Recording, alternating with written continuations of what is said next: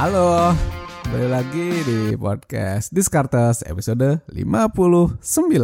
Sekarang gue akan ngomong apakah nggak punya bakat bikin susah kaya.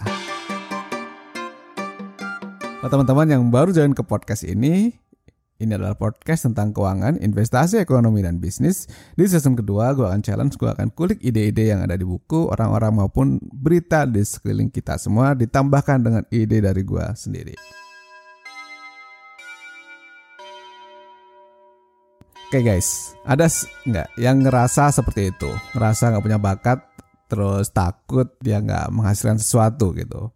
Gue jadi ingin cerita salah satu buku yang dulu pernah gue baca ya. Judulnya Grit dari Angela Duckworth. Judulnya udah keren nih. Grit The Power of Passion and Perseverance. Ada yang udah baca buku ini? Pasti udah banyak sebetulnya ya. Karena ini buku cukup terkenal di tahun kemarin banyak orang berpikir bahwa kehebatan atau kesuksesan itu didapatkan secara natural. Dari lahir udah pinter, terus di keluarga yang berkecukupan, punya network yang bagus. Ya memang poin-poin yang tadi gue sebutin itu memang mempengaruhi bagaimana perjalanan kita ke depan. Betul sekali. Tapi nggak akan ada hasil yang memuaskan kalau nggak ada the power of effortnya. Semua variabel tadi kalau nggak ditambahkan bensin berupa effort ya dia nggak akan jalan ibarat kata itu adalah barang-barang brand mewah kendaraan mewah tapi gak akan jalan kalau nggak ada bensinnya kan. Ada rumus menarik yang gue dapat dari buku ini. Jadi grit itu sama dengan passion, resilience, dan determination plus fokus. Jadi di dalam hidup effort itu selalu dihitung dengan ekstra. Matematikanya yang disebutkan sama Angela gini. Gimana kita mendapatkan skill untuk melakukan sesuatu? Rumusnya adalah talent dikali effort ya. Itu untuk menemukan sebuah skill. Kemudian bagaimana kalau kita menginginkan achievement? Achievement didapatkan dari skill dikalikan dengan effort. Oke, okay? jadi kalau kalian mau pakai pena buat tulis-tulis, boleh silakan. Gue ulang ya. Skill didapat dari talent dikali effort, tetapi achievement didapat dari skill dikali effort. Pada akhirnya, achievement itu sama dengan talent dikali effort dikali effort. Itu yang disebutkan sama Angela. As much as talent counts, effort counts twice. Artinya, ketika kita mau menginginkan sebuah achievement, kita sudah punya talent, tetapi harus dua kali effort kita keluarkan. Ini poin penting. Ya memang mayoritas manusia kan terlahir dari keluarga yang biasa aja ya. Yang namanya crazy rich itu kan nggak bisa banyak orang kan. Segelintir lah ya. Jadi mungkin kita di keluarga yang biasa bukan crazy rich, network juga biasa saja. Seiring waktu nih diasah sama hidup. Ada yang jadi pedang tajam, ada yang tumpul. Semua manusia gue yakin ada keahlian di dalamnya itu ada. Masalahnya tinggal gini, apakah itu disadari atau enggak? Jadi kalau misalnya ada yang bingung nih, bakatku apa ya? Ngasilin duit enggak ya? Gue golongan orang yang percaya bahwa manusia yang gigih itu selalu menghasilkan.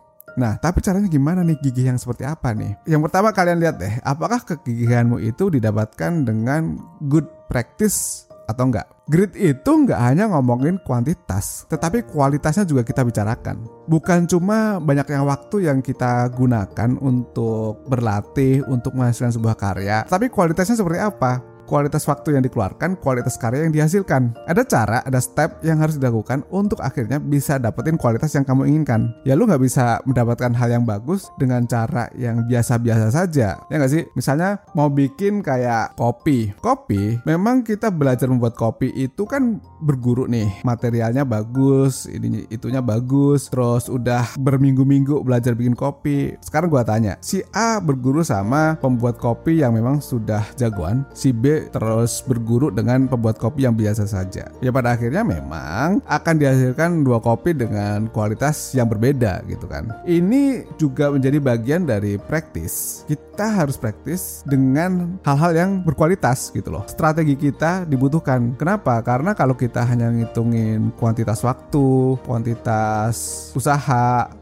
tanpa menghitung kualitas, sayang. Memang hasilnya akan bagus, tetapi pasti ada opportunity cost atau ada hal-hal yang miss jadinya nggak optimal. Bagus tapi nggak optimal, itu kan disayangkan. Kemudian yang kedua adalah tidak bergantung dengan bakat. Some people are great when things are going well, but they fall apart when things aren't. Artinya, ketika kita kemarin deh pas era-era bullish misalnya seperti itu ya. Biar gampang kan biar kalian dapat bayangan. Pas bullish ya kita gampang aja beli saham tutup mata dapat tunggu tiga bulan naik dah tuh tapi ketika pasar saham udah beris, bisa dihitung dengan jari orang-orang yang masih mendapatkan cuan. Orang-orang itu orang-orang yang punya skill, orang-orang yang sudah belajar, udah beradaptasi panjang, udah punya pengalaman yang bagus. Makanya meningkatkan skill untuk beradaptasi dengan kerjaan atau bisnis atau skill investasi itu udah pasti wajib. Once kita nggak update skill, kelar itu udah bisnis kita. Even gue juga masih belajar juga, jadi kita itu nggak akan pernah selesai untuk urusan belajar, untuk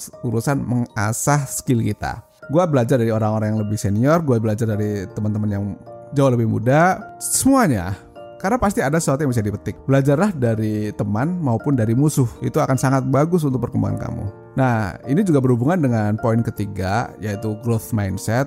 Sebisa mungkin kita harus ambil sisi positif dari orang-orang. Entah itu teman atau musuh kamu kan? Karena seseorang akan layak menjadi musuh kita ketika dia memang punya skill yang bagus. Kan gitu kan? Dari situ kita bisa ambil nih. Misalnya wah dia itu jago banget ya kalau urusan programming. Gue belajar programming ah. Oke okay, let's say ini bukan musuh tapi rival bisnis misalnya seperti itu. Gue terlalu kasar kali ya ngomongnya.